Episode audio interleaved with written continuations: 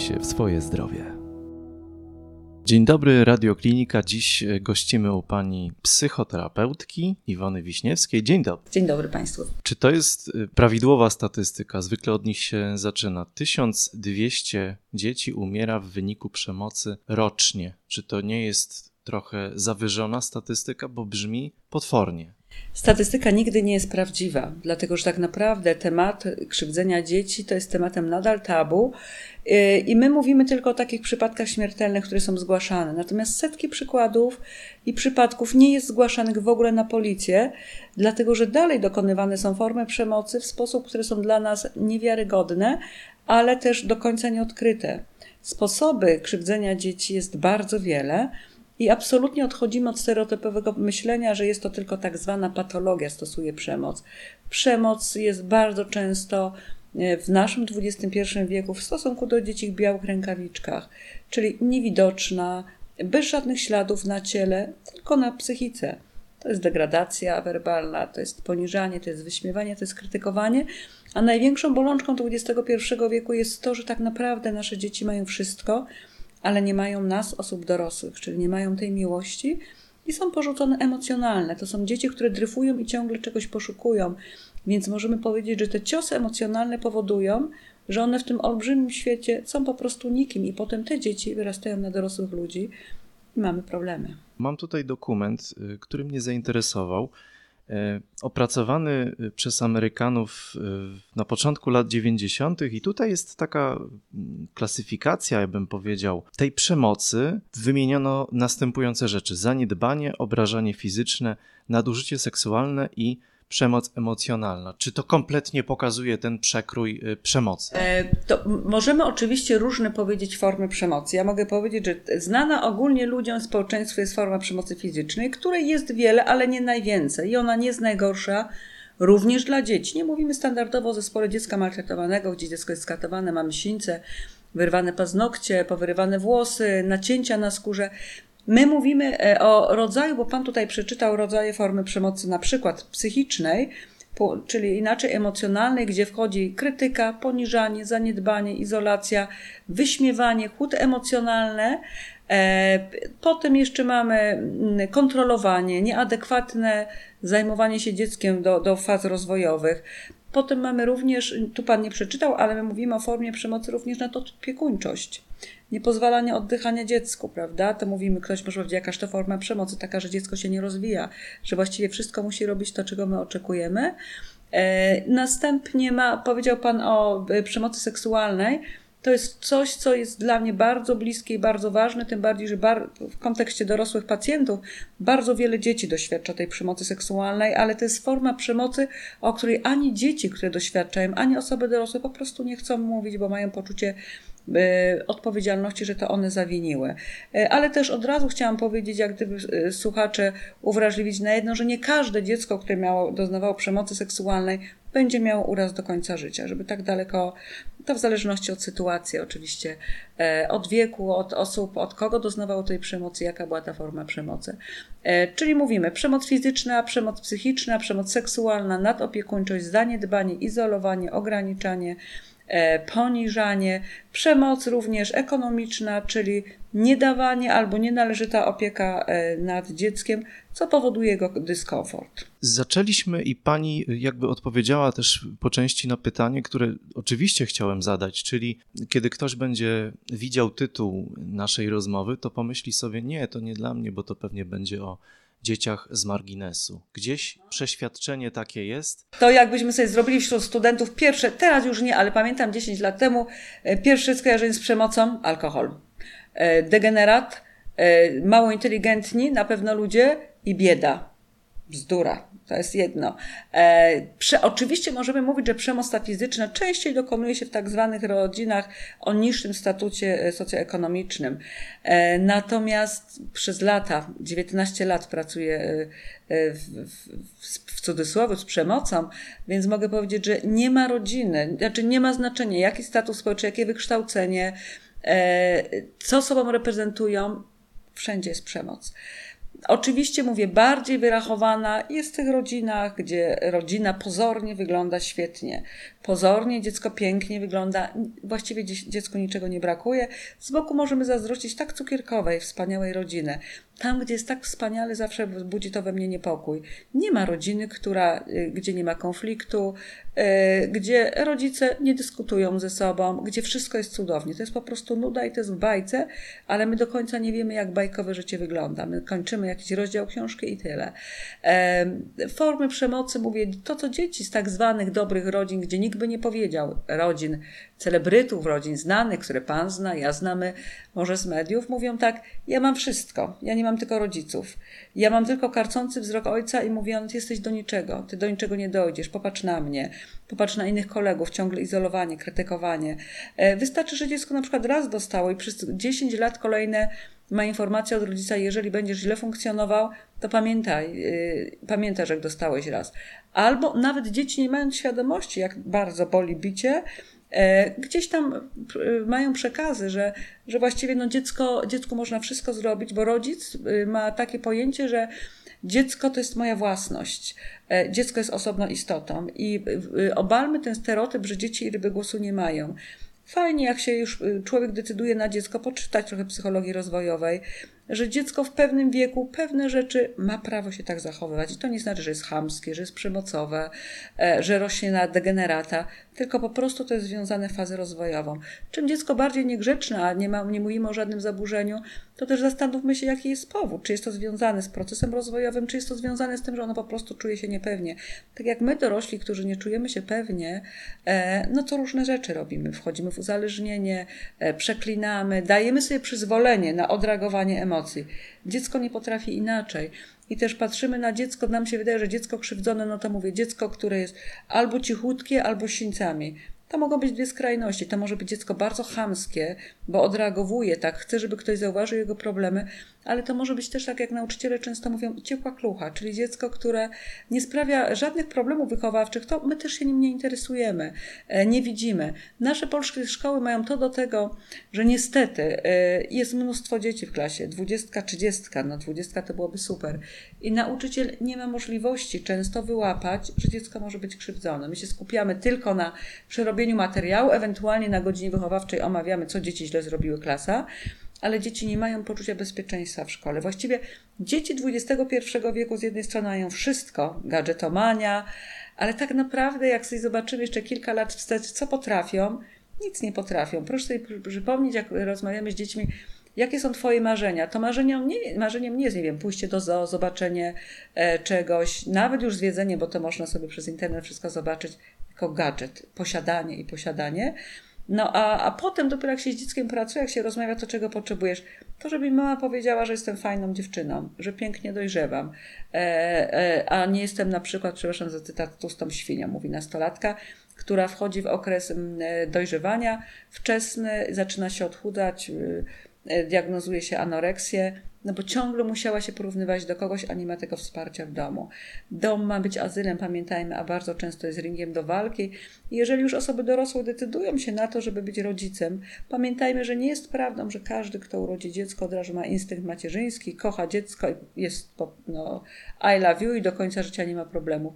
To jest proces, to jest wychowanie. Mam prawo sobie nie radzić, mam prawo pytać się, niekoniecznie czytać tylko amerykańskie poradniki, ale wsłuchać się samego w siebie, jako ja rodzica, z czym ja sobie nie radzę, że wszystkie moje takie negatywne emocje przekazuję na dziecku i że wyżywam się na dziecku. Oczywiście źródeł przemocy jest bardzo wiele, e, więc to możemy godzinami analizować, ale pytanie, co zrobić w takim razie, żeby być dobrym rodzicem i żeby nie zwariować, bo to nie jest proste, ale też, żeby mieć taką świadomość, że to jest proces i cały czas muszę coś ze sobą robić, że dzieci nie mogą pozostawać same, bo patrząc na te wszystkie dzieci, jak patrzę na agresywne zachowania, które Oczywiście mnie się również zdarzają, że gdzieś tam na ulicy ktoś zaczyna klnąć, wyzywać i zawsze reakcją w większości jest tak, że krzyczymy, co za młodzież, co za chamstwo.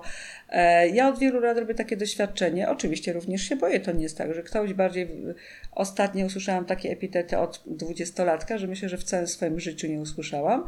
Znaczy myślę, że Pan był po dopalaczach, to takie, taką opowiastkę ciągle mi się w głowie kotuje, co człowiek może zrobić, jak nie, ma, nie, nie reaguje, nad, znaczy nie panuje nad emocjami.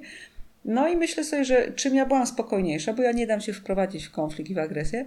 Tam był bardziej agresywny, no ale jak wreszcie powiedział, że mnie potnie, mnie spali, no to już sobie odpuściłam. Myślę sobie, że w człowieku obecnym XXI wieku, w dziecku, w młodzieży kumuluje się bardzo dużo agresji. I ono nie ma o tym komu powiedzieć, tak? No bo do jakiegoś psychoterapeuty nie pójdzie, bo ono nie jest idiotką, wariatem, a poza tym obciach, nie? A rodzice potem będą go stygmatyzowali, gdzie chodzisz, no to idziesz do dentysty, idziesz do y, lekarza, no, no chodzisz normalnie. No a to, to, tak, ktoś, kto pracuje nad duszą i ciałem, no to właściwie, y, no to idiota, nie? No to, to, to tak Myślę, ja pamiętam, jak zaczęłam pierwsze studia. Pierwsze studia moje to była pedagogika. No to jak gdyby trochę chciałam tak zmieniać podejście, nie, nie dzieci, tylko wszystkich ludzi, którzy e, pracują z dziećmi, do tego, żeby zauważyć, że dziecko to jest dziecko, a dziecko to nie jest dorosłe. A my traktujemy dziecko jak dorosłą osobę. Nawet poprzez wygląd możemy zobaczyć, jak dzieci wyglądają teraz jak klony osób dorosłych. E, a nie jak dzieci, tak, tak zwane fizie pończoszanki. E, I, I tak myślę sobie, że też dużo przemocy rodzi się w dzieciach między innymi dlatego, bo one nie mają swojego świata. 20 lat temu e, albo jeszcze może 15, ciągnęło się dzieci z pola do domu, z pola, no w Krakowie to pole, z pola do domu, bo tak dużo było ciekawych rzeczy na świecie. A teraz jest tak, że wyciąga się dzieci z domu, żeby wyszły i zobaczyły, jak wygląda trawa na przykład i czy wiosna się zbliża, i co to jest ptak. Mm, fenomenalne jest to, jak kiedyś stałam na stacji, e, jadąc e, e, na uczelnię i dzieci mówią, mamusiu, a co to jest? Co byłam przerażona, znaczy nie do mnie, do, do pani obok, a mama mówi, no jak to co? To czarne, to jest krowa, ale krowa tak nie wygląda. No więc pomyślałam, jak mało teraz dzieci wiedzą, że była wielka radość, że zobaczyły pierwsze w życiu krowy. Powiedziała Pani o tym ringu w domu. Tworzy się ring w domu. Szkolenia, e, które organizuje Fundacja Adwocem, które Pani wspiera e, swoją wiedzą, to są szkolenia dla e, różnych pracowników, co jest taką podstawą tych szkoleń. Na co zwracacie uwagę osobom, by no, rozszerzyły swoje źrenice właśnie na, na dzieci dotknięte przemocą? Ja głównie zajmuję się diagnozą dziecka krzywdzonego, jak zdiagnozować, jak rozpoznać, jak pomóc i też, y, i też skupiamy się na rozmowie, na nauce rozmowy z rodzicem, y, z dzieckiem krzywdzonym, jak pomagać nie zatracając siebie e, i co możemy zrobić, ale też dyskutujemy i pokazujemy, że właściwie jedna osoba nie jest w stanie wiele zrobić, że pomóc dziecku krzywdzonemu to jest pomoc wielu instytucji, to jest zauważenie, że dla każdego dziecka jest najważniejsze wyrzucenie stereotypów myślowych o dziecku, że to co mówiłam, że dzieci i ryby głosu nie mają i że dziecko ma niewiele praw. Dziecko ma i prawa i obowiązki, e, więc e, i też zauważenie, że, że istnieje ktoś taki jak dziecko i absolutnie uczymy się jednego, że mam prawo, ale również i obowiązek reagować. Nie mogę nie widzieć, nie mogę nie słyszeć, bo nie moja sprawa, bo nie moje dzieci, e, bo co ludzie powiedzą, bo mnie okrzyczą. Oczywiście, ale jeżeli widzę szarpiącą matkę dziecko w sklepie, bo jeżeli dziecko histeryzuje i matka obok niego siedzi, to jestem w stanie to zrozumieć i jest to dla mnie wielki plus, bo 20 minut może siedzieć, dziecko wypłacze się, wyryczy i tyle. Ale jeżeli matka szarpie, jeżeli matka mówi do dziecka zamknij mordę matole e, w sklepie, taki sam jesteś, nie będę już brzydko mówiła jak ojciec przy kasie w jednym z hipermarketów, to ja wtedy reaguję. E, I też nie reaguję w sposób chamski, nie reaguję tak, żeby poniżyć matkę, tylko reaguję w kontekście, żeby powiedzieć, że, że nie tłumacząc mamy, że mama jest może zdenerwowana, że można by trochę inaczej, jak dziecko nie słyszy, że, że dziecko to bardzo przeżywa, że pani się przyzwyczaiła do takiego myślenia, a ono będzie niosło te wszystkie informacje od pani jako bagaż doświadczeń. I stąd potem, jak mantra w najtrudniejszych chwilach wieku dojrzewania pojawi się ty matole, ty kretynie, ty świnio, ty jesteś za gruba, ty jesteś nic nie warta. E, ja, I reagujemy. I uczymy też, żeby Umieć rozpoznawać też, ale reagować, żeby być bardziej wrażliwy, że nie tylko mam prawo, ale mam obowiązek, bo to nie chodzi o to, żeby zbawiać świat, bo nie jesteśmy w stanie tego zrobić, ale chodzi o to, żebyśmy uratowały, przynajmniej uratowali kilka istnień ludzkich i żebyśmy również zmienili myślenie drugiego człowieka, że każde życie, które już jest tutaj, e, wymaga od nas pracy, ale też autonomii i że dziecko będzie w dużej mierze takie, na ile jakiemu pozwolimy. Pamiętajmy, że wychowanie, tak jak e, wiemy, jest procesem i to wymaga bardzo dużo wysiłku, ale też wychowanie jest wolnością, czyli nie ograniczam dziecko, e, stawiam mu konkretne e, zadania i wymagania I pamiętajmy o tym, że oczywiście dziecko może być karane, ale nie karcone. Kara ma być adekwatna do wieku, krótkotrwała, przynosząca efekt edukacyjny, E, i absolutnie nie dawana wtedy, kiedy rodzic jest wściekły, a my najczęściej dajemy kary jako odwet i też e, problemem dla dorosłego jest to, że rodzic nie jest konsekwentny. A tam, gdzie nie ma konsekwencji, tam e, no, dziecko po prostu nie czuje się bezpiecznie. Tak jak my potrzebujemy dorośli konsekwencji, granic, tak samo dziecko. I oczywiście jesteśmy uwrażliwieni, co się wielu ludziom nie spodoba, którzy będą słuchać, że klaps jest formą przemocy. E, jest wielką niemocą osoby dorosłej, czyli przemoc tak naprawdę to jest niemoc. Można wychować setki dzieci, e, nie używając klapsa, nigdy w życiu nie używając wulgaryzmów, nie poniżając, ale być w wychowaniu konsekwentnym. E, oczywiście, jak pytamy na sali na początku szkoleń, kto dostawał klapsa, no to najwięcej mówi wszyscy. A potem ktoś tu mówi, nie wszyscy. Ja jestem jedną z osób, która nie dostała nigdy klapsa, a według tych niektórych osób powinna być, nie wiem, degeneratem.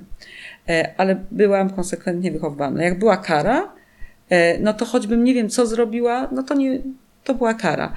E, więc za to jestem mamie wdzięczna i wiem, że można wychować tak jak dziękuję mamy, na dobrego człowieka, nie używając w życiu klapsa i nie poniżając człowieka, natomiast konsekwentnym wychowaniem. Wtedy się nienawidzi rodzice. O, jesteś, ale tak jest. Ambiwalencja uczuć jest. Mhm.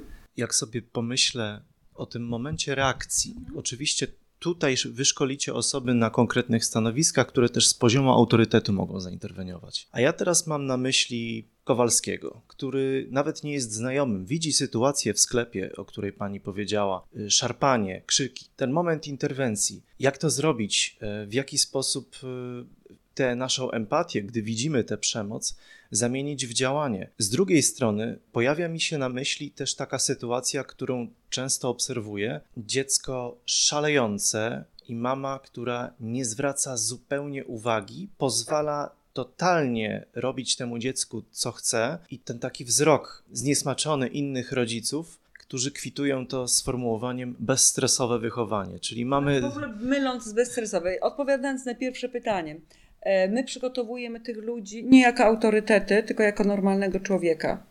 Bo on, nikt nie podejdzie nie powie, przepraszam, jestem e, pracownikiem socjalnym, jestem psychologiem, pedagogiem i chciałam zwrócić uwagę. Podchodzę jako człowiek. Ja nie podchodzę nigdy jako ekspert, bo nie jestem ekspertem w, dziedzinie, w wielu dziedzinach. Na pewnych rzeczach się znam, może tak. Nigdy w życiu nie, nie podchodzę ze stanowiska, ja coś wiem lepiej podchodzę, mówię jako człowiek, to jest pierwsze i tak przygotowujemy tych ludzi. Oni mają możliwości, jak wejdą do rodziny, większe ze względu na swój autorytet i stanowisko. Ale my mówimy o takiej zwykłej sytuacji Kowalskiego, którego spotykamy na ulicy. Druga sytuacja, o której Pan mówi, mnie również irytuje, to jest tak jak z młodzieżą, która przeklina i wszyscy cykają i patrzą, a nikt nie zwróci uwagi.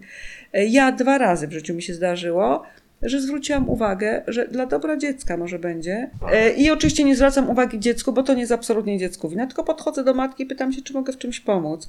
Tak myślę sobie w sytuacji, może zdarzyło mi się 6-7 razy i powiem, że tylko jedna starsza pani babcia zwymyślała mnie, ale to nie będę mówiła od gwiazd telewizyjnych i tak, że mi się w głowie po, brzydko mówiła i to mówiła przy wnuku. I myślę sobie, że wielu rodziców po prostu nie wie, jak funkcjonować. Nie mają siły też mówić, a co ja mam zrobić? Ja nie potrafię. Mm, proszę zobaczyć, że nigdzie nas nie uczą ani w podstawówce, mm, ani w gimnazjum, ani w liceum, jak być dobrym rodzicem, jak sobie radzić. Najtrudniejszy zawód świata, oczywiście to każdy powie, nie policjant, lekarz, mm, maszynista, że to jest jego. Nie, to bycie rodzicem bo tego po prostu nie uczą. No i nie każdy ma ochotę, natomiast jest taka stygmatyzacja, że każdy powinien być rodzicem, bo to ładnie wypada, tak? A teraz przy 500 plus zobaczymy za kilka lat, jak będzie wspaniale. Mhm. Chodzi o to, żeby, że jeżeli już jestem rodzicem i sobie nie radzę, to po prostu szukam pomocy. I to nie chodzi o terapię, chodzi o kilka wskazówek, nie z amerykańskich książek, dlatego że tam jest opisane, są konkretne sytuacje, ale nie do naszego dziecka. Może warto zobaczyć, co takiego jest, że dziecko się zachowuje. Ja współczuję w ogóle dzieciom, które muszą spędzać y, soboty czy niedzielę w sklepie. E, proszę zobaczyć, iść sobie, zrobić sobie taką rądkę, Ile jest y, ludzi wychodzi na kopiec Kościuszki w niedzielę, nawet przy takiej pogodzie jak dzisiaj? Ile spaceruje po parku? Z malusieńkimi dziećmi jeszcze. No ale takie już przedszkolne, y, starsze, 7-8 lat. Co robiłeś w niedzielę? Mogę pani powiedzieć, Pamiętam zajęcia w jednej ze szkół, bardzo rzadko chodzę do szkół, bo to trzeba dużo cierpliwości. Jak spędzacie niedzielę? Mogę pani powiedzieć, gdzie są promocje jogurtów. E, bardzo mnie to rozśmieszyło wewnętrznie, ale tak naprawdę mnie przeraziło. Pytam się, gdzie byliście z rodzicami? Na wczasy nie lubimy, no chyba, że jest może, bo się rodzice kłócą. E, no to co jeszcze robicie ciekawego? Proszę zobaczyć, co się robi. Niewiele jest rodzin, fajnie, że one są, gdzie naprawdę tworzymy rodzinę. Ale też z drugiej strony nie może być tak, że dziecko jest priorytetem, e, i my zajmujemy się tylko, skupiamy na dziecku w małżeństwie, a nie skupiamy się na związku. I potem tak naprawdę, jak nie ma dziecka albo coś się dzieje, a dziecko, zwłaszcza jak już wyfruwa, no albo gdyby nie było również dziecka, to my nie mamy o czym rozmawiać. Dziecko i kredyt to jest coś, co nas łączy. No ale pytanie, twórzmy rodzinę, jeżeli już jesteśmy razem, to stwórzmy, żeby to nasze życie przez kilkadziesiąt lat było po prostu ciekawe. Chciałem zapytać o te takie mm, objawy, które możemy zauważyć. Sytuacja, kiedy znamy dziecko, jesteśmy przyjaciółmi rodziny, widujemy to dziecko i możemy stwierdzić, że to nie jest jednorazowa sytuacja, kiedy ono zachowuje się w sposób e, no, objawiający, że jest coś nie tak w tej rodzinie. No i właśnie, co wtedy? Na co zwracać uwagę? Co powinno nas zaniepokoić u dziecka?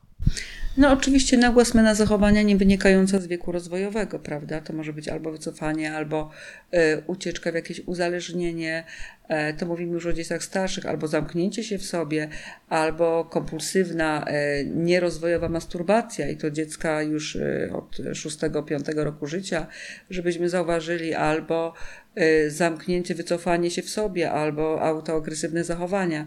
Ale niestety bardzo wiele dzieci tak się zachowuje i tak gra, że nic nie widać. Zamykają się w sobie i przez 20 lat na przykład noszą taką informację y, i robią wszystko. Albo również, żeby ktoś nie zauważył, że są krzywdzone, dlatego że się wstydzą. Dzieci kochają swoich rodziców, nawet którzy ich krzywdzą y, i mają taką ambiwalencję uczuć, raz kochają, raz nienawidzą. E, tak, jeszcze myślę sobie, co może być, że w szkole jest na przykład bardzo przedszkolu agresywne, a w domu jest spokojne, albo odwrotnie. E, takie dwa skrajne zachowania. Oczywiście, jeszcze raz mówię, nie wynikające z żadnych dysfunkcji. Mm, I też, y, bo my mówimy teraz bezpośrednio o krzywdzeniu dziecku, ale chciałam, żebyście Państwo wiedzieli, że krzywdzenie dziecka następuje również wtedy, kiedy my, osoby dorosłe, kłócimy się, wyzywamy, przeklinamy. Y, niekoniecznie nawet stosujemy przemoc taką wprost, ale komunikaty są bardzo agresywne i dziecko w tym uczestniczy. Jeżeli dziecko w tym uczestniczy, to również jest ofiarą przemocy, tylko nie ofiarą przemocy bezpośredniej, tylko e, pośredniej, bo, bo chłonie, to jest, dziecko jest jak gąbka. Natomiast e, tutaj tak myślę, no oczywiście potem jest erotyzacja dziecka nieadekwatna do wieku, wchodzenie w uzależnienia, w autoagresywne zachowania, prostytucja, e, tak zwane dryfowanie nieszczęśliwe, depresja, anoreksja, bulimia, to już są takie, mówię, zauważalne, ale wiele dzieci nie pokazuje nam tych sygnałów, że, że jest po prostu im źle. Wewnętrznie są nieszczęśliwe. Opuszczają się w nauce. Niewiele jest takich dzieci, choć się zdarzają, że podnoszą się w nauce, że jak gdyby chcą czymś zaistnieć.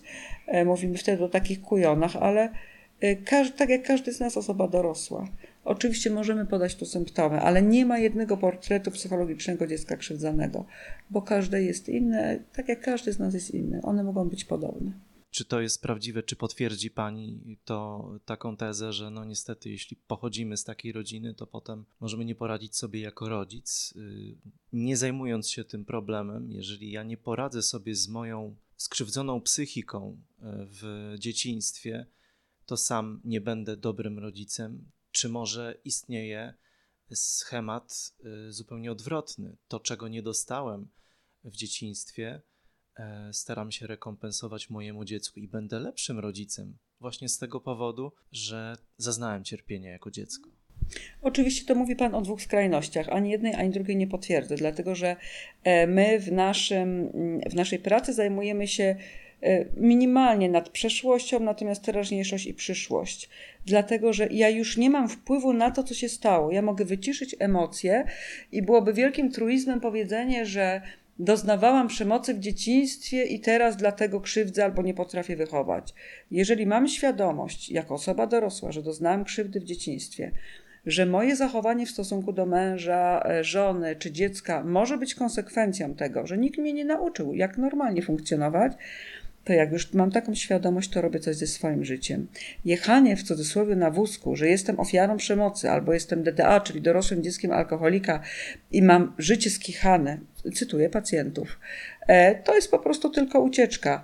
Można y, większość rzeczy przepracować, przegadać, uporządkować, oswoić się z emocjami, jakich doznawałam i mieć świadomość na to, w takim kontekście, że jako dziecko nie miałem czy nie miałam wpływu na to, co się działo. I na ten czas zrobiłam wszystko, co było w mojej mocy, bo dzieci często mają poczucie winy, że czegoś nie zrobiły albo coś zrobiły. Jak były krzywdzone, że komuś tego nie powiedziały. Nie powiedziały, bo nie były gotowe. Dopiero teraz jest taka gotowość i mówię, nie mogłam to zrobić, nie mogłam, bo teraz nie myślę oczami dziecka. Więc jeżeli mam świadomość, że to może wpływać na moje życie, to warto coś z tym zrobić. Natomiast nie mówić dziecku, ja miałam jeszcze gorzej, ty się ciesz, co masz. Dziecka to nie interesuje, to nie jest przykład dobry. Warto najpierw uporządkować własne życie, żeby zająć się porządkowaniem innego życia. Ale jeszcze raz tu podkreślam, nie każde dziecko, które e, miało uraz w dzieciństwie, będzie ten uraz niosło do e, dorosłości i będzie jak gdyby go przetwarzało.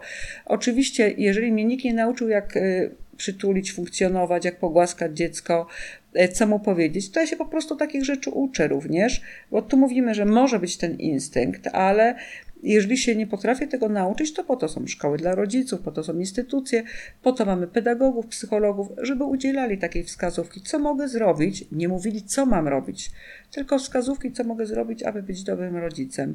Mm, no i jeszcze raz mówię, że przemoc ma to do siebie, że niezatrzymana przybiera na sile. E, toczy się w wymiarze dominacji uległość, ale przemoc można zatrzymać.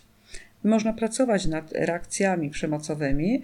E, to nie dziecko ma pracować, tylko to ma dorosły pracować. I myślę sobie, że jak zobaczę, ile ma zysków z tego, że e, no, można żyć bez przemocy, że o wiele łatwiej jest być rodzicem, rodzicem, który prowadzi dyskusję, z której jest dialog, a nie monolog, to wtedy są same zyski. Jeżeli już jest człowiek dorosły i ma, widzi, że sobie nie radzi, to trzeba się przyznać do tego, że sobie po prostu nie radzę. No tak jak wiele rzeczy, jeden jest dobrym kucharzem, drugi nie jest. E, I po prostu przyjść pogadać, zapytać się, e, nie po receptę, bo to po receptę się idzie do lekarza, tylko co mogę zrobić, żeby moje życie wyglądało inaczej. I mam przykład takiej jednej z pań, która E, opowiadała, że jak przestała krzyczeć na córkę i zaczęła słuchać, co ona mówi, to życie wygląda inaczej. Ona przez 14 lat w ogóle nie słyszała, co dziecko mówi, bo cały czas był monolog, monolog, monolog, monolog. masz to, to, to, to, to, to, to, to, to i nawet nie miała czasu oddychać. A teraz przystopowała i ona mówi tak, moja córka ze mną rozmawia i to jest cudowne, fascynujące. Po 14 latach, więc nigdy nie jest za późno na zmianę, że oczywiście nikt nie powiedział, że to będzie proste. I nikt nie powiedział, że za pierwszym razem nam się uda. Jeżeli ktoś tak powie, to po prostu kłamie. E, w ogóle proces terapeutyczny nie jest prosty. Jest fascynujący, ale nie jest prosty. Ja jestem zachwycona moją e, psychoterapią, e, kierunkiem psychoterapii, więc CBT, behawioralno-poznawcza, pokazuje, jak wiele człowiek może zrobić. Że jak wiele schematów, w których my żyjemy i sami sobie utrudniamy życie. Natomiast odkrycie, że mogę inaczej, że żyję tak naprawdę, najpierw żyję, to, to absolutnie nie jest źle powiedziane, żyję dla siebie, żebym ja była szczęśliwa, żeby inni byli szczęśliwi. Czyli ja akceptuję na tyle, ile akceptuję siebie i, i lubię, niekoniecznie kocham, i wtedy mi jest łatwiej, i wtedy świat wygląda inaczej. A jeżeli ja jestem męczennicą, że cały świat kocham, a siebie nienawidzę, to po co takie byle jakie życie? Tak wiele osób żyje byle jak. Czyli najpierw robię coś dla siebie, żeby inni byli szczęśliwi. Nie mylić z tego egocentryzmem. Egocentryk jest tylko skierowany na sobie, a egoista jest skierowany na sobie, ale żeby innym wokoło było dobrze. Na koniec y, Pani Wono zapytam, y, bo to jest też chyba dla nas Polaków od wielu, wielu lat bardzo trudne, ten moment, kiedy trzeba donieść to znaczy, kiedy już nie wystarczy zwracanie uwagi, widzimy przemoc wobec dziecka, czy to jest sąsiad, czy to jest znajomy, czy to jest sytuacja na ulicy, e, i tutaj pojawia się opór, który nas paraliżuje, bo donoszenie jest niefajne. No, jeżeli y, użyjemy słowa, jak tak pan pięknie powiedział, co mnie przeraziło i dreszcze przeszły donos, to tak, zawiadomienie, a nie donos. E, jeszcze raz, jeżeli ktoś widzi, że dziecko jest krzywdzone, domniemuje nawet, ma obowiązek zgłosić. Pamiętajcie Państwo, że zło ze zdwojoną siłą wróci. Jeżeli ja widzę, że dziecko jest krzywdzone, nie ma znaczenia, czy jest to sąsiad, czy jest to rodzina, i nie ingeruje, to współuczestniczy w przestępstwie. Ja to zawsze mówię. I coś takiego jest, jak ktoś przychodzi nas na interwencję i mówi tak, wie pani co, mogłam to zgłosić 5 lat temu, że jest dziecko krzywdzone, a dopiero teraz robi mam olbrzymie poczucie winy. No i dobrze. Dlatego, że zgłaszamy, nie donosimy. To nie jest urząd skarbowy, tylko zgłaszamy, bo dobro człowieka drugiego, zwłaszcza małego, jest, y, no, dziecko nie może się bronić, to tak jak zwierzę nie może się bronić, dlatego też zgłaszamy, a nie donosimy, jak, jak zwierzę jest źle traktowane. E, pamiętajcie Państwo, że możemy złożyć, y, zgłosić również anonimowo do kuratora, który zajmuje się dzielnicą, do sądu rejonowego, na policję, ale również do ośrodka pomocy społecznej. Myślę, że w każdym mieście, ale w Krakowie jest doskonale przygotowani są pracownicy socjalnej e, do pomocy rodzinom e, i, i, i potem cała rodzina gdyby jest zaopiekowana. To nie jest prosto, bo oni się buntują, jak to przecież my nie patologia, nie korzystamy z opieki, cytuję, e, to my nie potrzebujemy tej pomocy. Naprawdę potrzebują. Tylko, że też doświadczenie mi mówi, że jak ktoś jest dojrzały, emocjonalnie, to przyjmuje tą pomoc. No, każdy z nas się uczy, ale ludzie nie chcą, zwłaszcza jak to jest e, rodzina w piękny, na pięknym osiedlu, enklawa, przepięknie zamknięte, wszystko e, na chipy, no, a w życiu jest e, piekiełko. I te dzieci w piekiełku wyglądają cudownie, bo świetnie wyglądają, firmowe ciuchy, mają prywatne przedszkole, ale są tak bardzo same, tak bardzo same i potem za kilka lat przychodzą i mówią tak, ja mam wszystko, ja mam naprawdę wszystko. Przyjeżdża dziewczyna 18 y, lat tutaj samochodem, bardzo dobrym samochodem i mówi tak, mnie nic nie cieszy.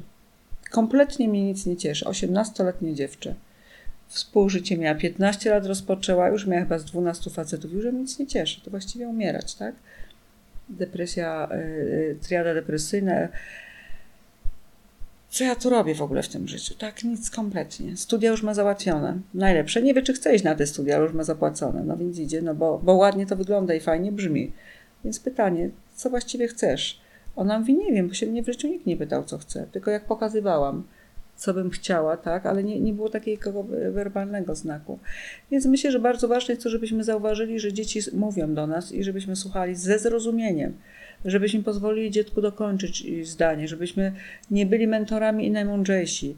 Oczywiście jesteśmy mądrzy przez doświadczenie, ale zobaczmy, że, że dziecko też potrzebuje mieć swój świat. Ma prawo być krnąbrny, ma prawo być niegrzeczne, nie mylić chamskie. Ma prawo mu się czegoś nie chcieć, nawet umyć zębów raz wieczorem albo nie umyć się. Ma prawo, pozwólmy mu na to, ale również wymagajmy, bo wychowanie to również jest wymaganie. Pamiętajmy, ale ono musi być adekwatne do wieku. Inaczej dwulatek, inaczej pięcio, inaczej dziesięciolatek. A najważniejszą rolą dla rodzica to jest bycie konsekwencji.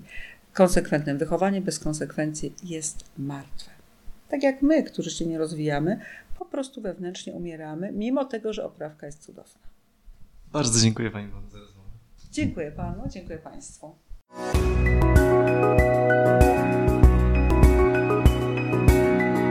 Więcej audycji o zdrowiu na stronie radioklinika.pl oraz w naszej aplikacji mobilnej.